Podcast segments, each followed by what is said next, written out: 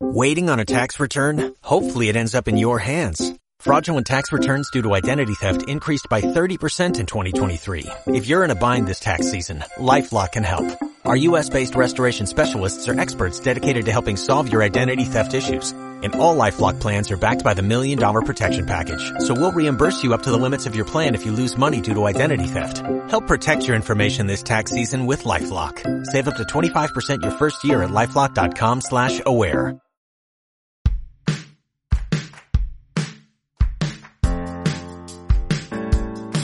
Necessitaràs 180 grams de farina, 80 grams de mantega, 100 grams Barreja de la farina amb la sucre... llet, bat les lletres i afegeix imaginació. Remena-ho tot molt bé amb una cullera i... Capítol 3. Enginyeria.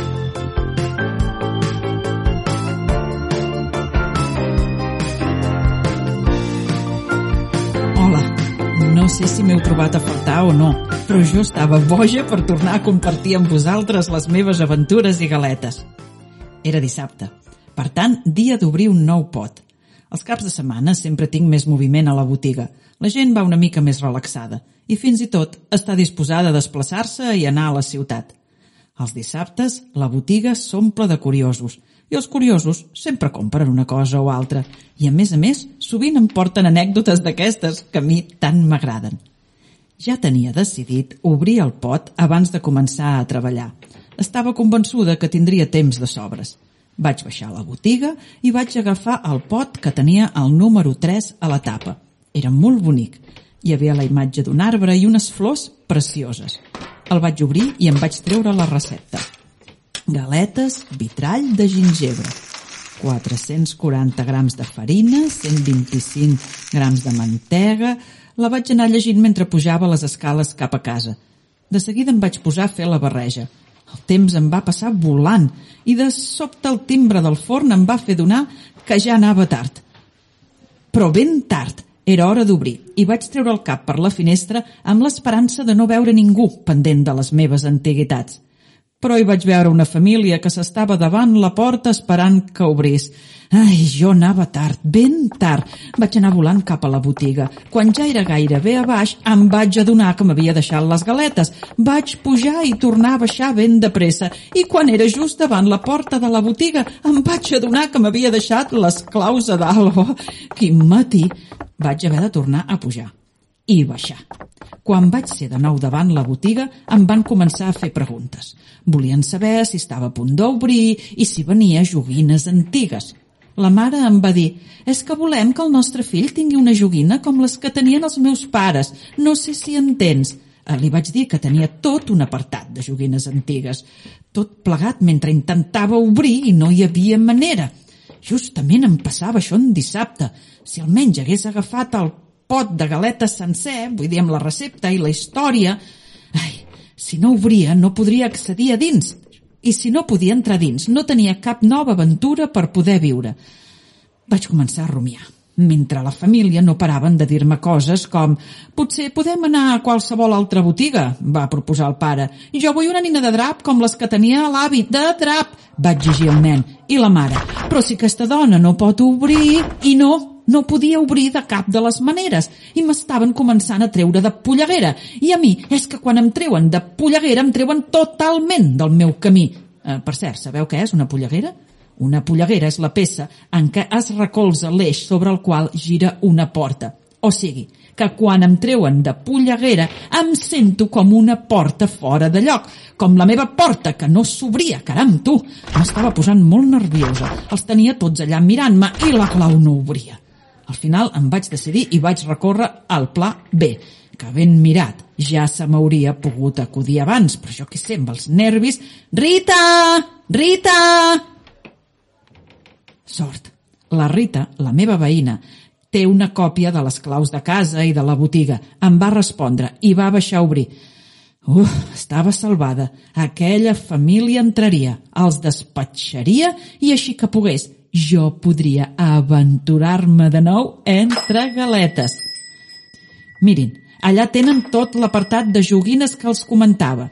Els vaig dir i els vaig deixar entretinguts. I jo me'n vaig anar ràpidament cap als meus pots, al meu nou tresor. En tinc molts jo, de tresors a la botiga. Bé, els pares estaven entretinguts, però el nen em va seguir.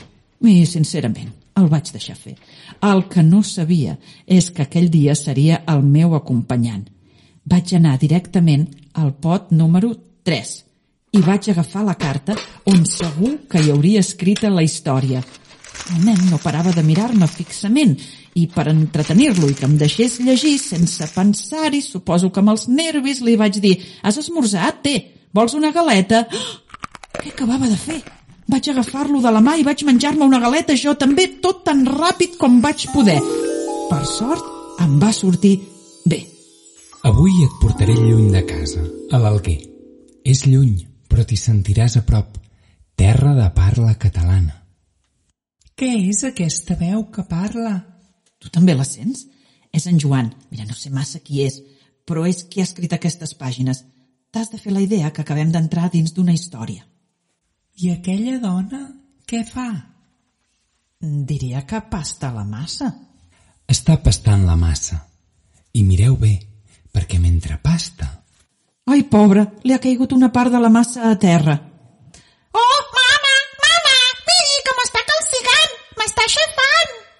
Però si jo no tinc fills, qui em diu? Oh, mama, mira que m'està calcigant. Estic flipant. Ha nascut un nen d'un trosset de pasta de farina? Li diré a la mama que es posin a fer pa, que vull una germana. A veure, estem enmig d'una llegenda. No sé jo si fem pa als teus pares... D'aquell trosset que va caure a terra va néixer en Generí. Però aquella dona no en tenia res. Aquest nen va començar a parlar. He nascut ara mateix, em dic Generí. Oh, mama, I cosa vols? quan tinguis la coca feta, que me la deixes anar a portar al pare. En Generí li va dir que quan la coca estigués cuita, la volia portar al pare. Però si aquella dona prou estava intentant entendre que de cop havia estat mare, el pare com ho havia d'encaixar?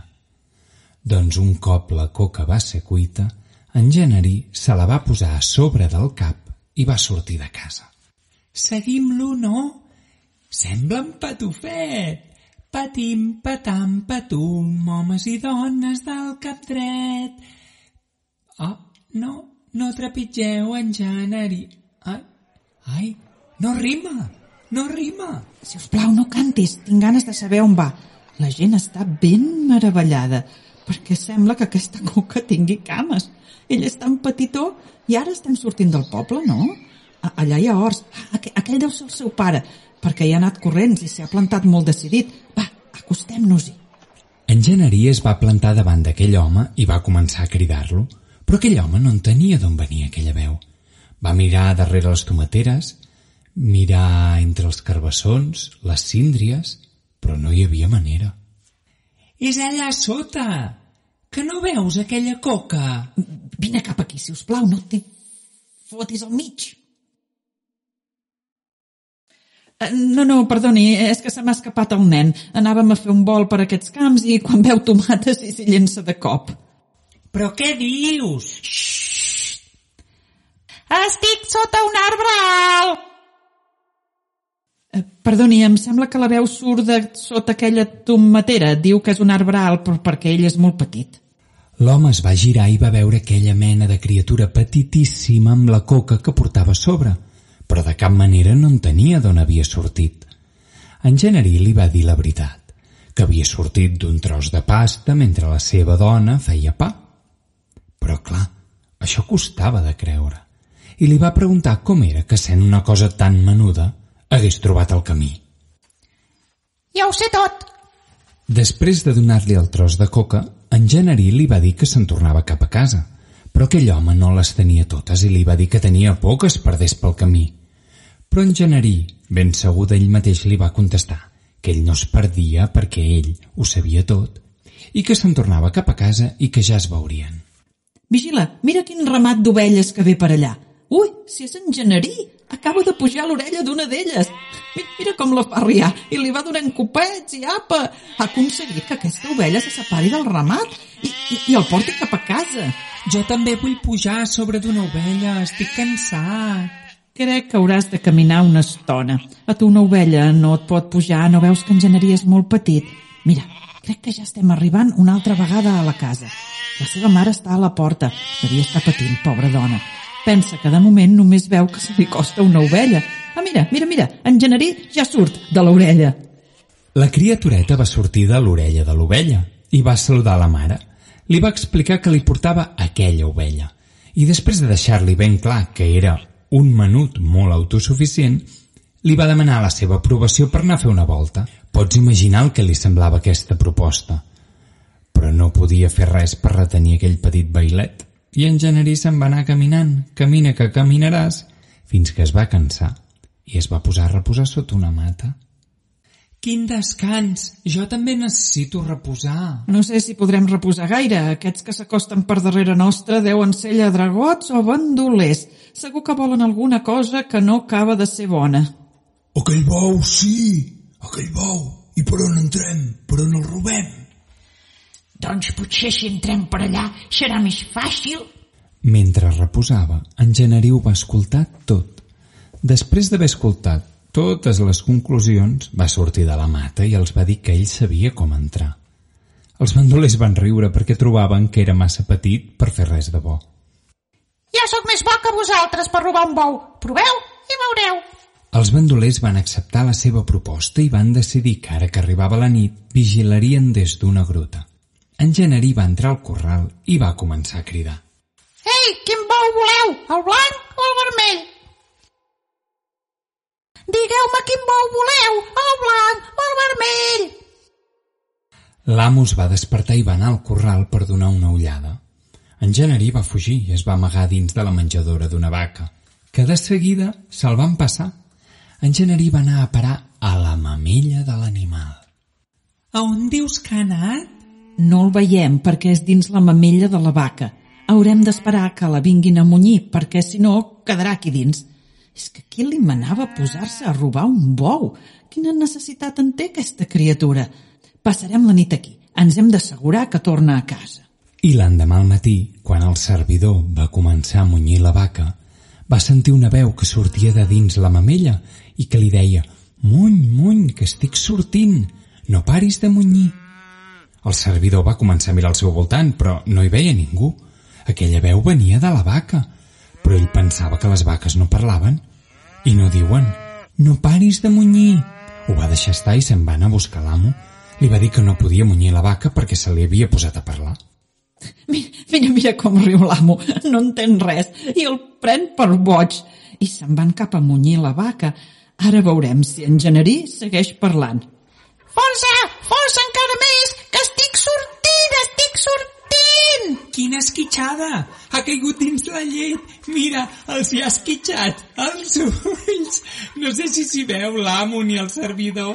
No s'hi veien gens i va ser en aquest moment que en Generí va donar l'ordre als bandolers perquè s'emportessin el bou. Un dels bandolers va anar a vendre el bou i després es van trobar per dividir els guanys.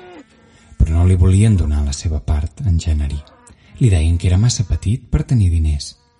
En Generí va fer un gran salt i va donar un cop de puny al bandoler i aleshores sí que li van donar la seva part i va tornar a casa. Aquest cop posant-se a l'orella d'un cavall. En arribar tot content va oferir a la mare els diners i el cavall. Mira, mira quina cara fa la mare. No m'estranya, deu pensar que què carai ha fet. És que, és que si l'arriben a agafar, el maten. No m'agafarà ningú ni em mataran, que jo em defenso tot sol. I ara que ja tens bestiar i diners, mama, me'n vaig pel meu compte a ajudar nova gent. I a casa no hi tornaré més. Quin em farà? I així se'n va per sempre. I camina i camina, se'n va per les muntanyes, i on era la mare no hi ha tornat mai més. Havia sortit d'un tros de coca i es dedicava a ajudar a aquells que més ho necessiten. Tot i que fent algunes coses que no estan pas del tot bé. Au! Una lletra! M'acaba de passar volant i m'ha donat un cop. Ui, una mica més i em talla una orella. Ho sé, ho sé, quin vendaval de lletres ha agafat fort, que no se'ns emportin.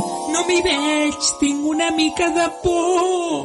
No pateixis, confia, les lletres mai volen mal. A veure, mira, mira, una S i una F. I una M. Ah, que divertit. I una K i una O. Ja tornàvem a ser a la botiga, com si no hagués passat res. Tenia la carta a la mà i vaig continuar llegint. Per cert, estimada Griselda, aquell corró que tens signat pel fuster del carrer de Banys Nous m'ha fet pensar en el corró d'aquesta llegenda. Segueix gaudint de les lletres. Per poc que pugui, la setmana vinent te'n portaré més. Joan de Zumbila, comerciant de galetes i carquinyolis. El corró! Algú m'hauria d'explicar com és que en Joan parlava a la carta d'un corró signat pel fuster de banys nous. És que jo en tinc un així, a casa. Trobava que era molta casualitat, però no era capaç d'entendre què estava passant. Eh, per cert, sabeu què és un corró? És l'estri cilíndric que serveix per amassar la pasta, el pa. Si en feu servir un, vigileu que no us caigui cap tros de pasta a terra i que no en surti un generí. Per cert, voleu saber si el nen que em va acompanyar va trobar la joguina que buscava? La cosa va anar així. Quan vam arribar a la botiga, el nen va dir «Ai, papa, és que us havia perdut!» I el pare «És que entres a la botiga i et perds, t'agraden massa les andròmines!» Allò no em va agradar. Li vaig haver de dir «Perdoni, però d'andròmines no en tenim. Tenim antiguitats, tresors, i la mare? Doncs crec que agafarem aquest. No és ben bé com me l'imaginava, però ja està bé. M'havia fet la idea que trobaríem una nina amb vestidet de quadres, però mires de drap. Si més no, a tu t'agrada? I el nen va dir que sí. No només va dir que sí, va dir que es diria Generí. El pare, que ràpid que has estat, i aquest nom, i el nen li va dir ben content, el bailet que surt de la coca... Ai, els nens tenen molta imaginació. Vaig picar-li l'ullet. M'havia acompanyat en aquella aventura i ens ho havíem passat molt bé. De vegades tampoc no cal explicar-ho tot a tothom. Ai, us ben prometo que això dels pots em té absolutament fascinada. El pròxim dia us explicaré el que vaig trobar en el pot número 4. Fins ben aviat. Ep, recordeu que a les notes del podcast trobareu la recepta d'avui. Aquí acaben les aventures i galetes, un podcast produït per Cabuts, amb el suport de l'Institut Català de les Empreses Culturals i la Generalitat de Catalunya, amb les veus i els guions d'Assumpta Mercader i Sergi Vallès, i la postproducció sonora d'Òscar Matxancoses.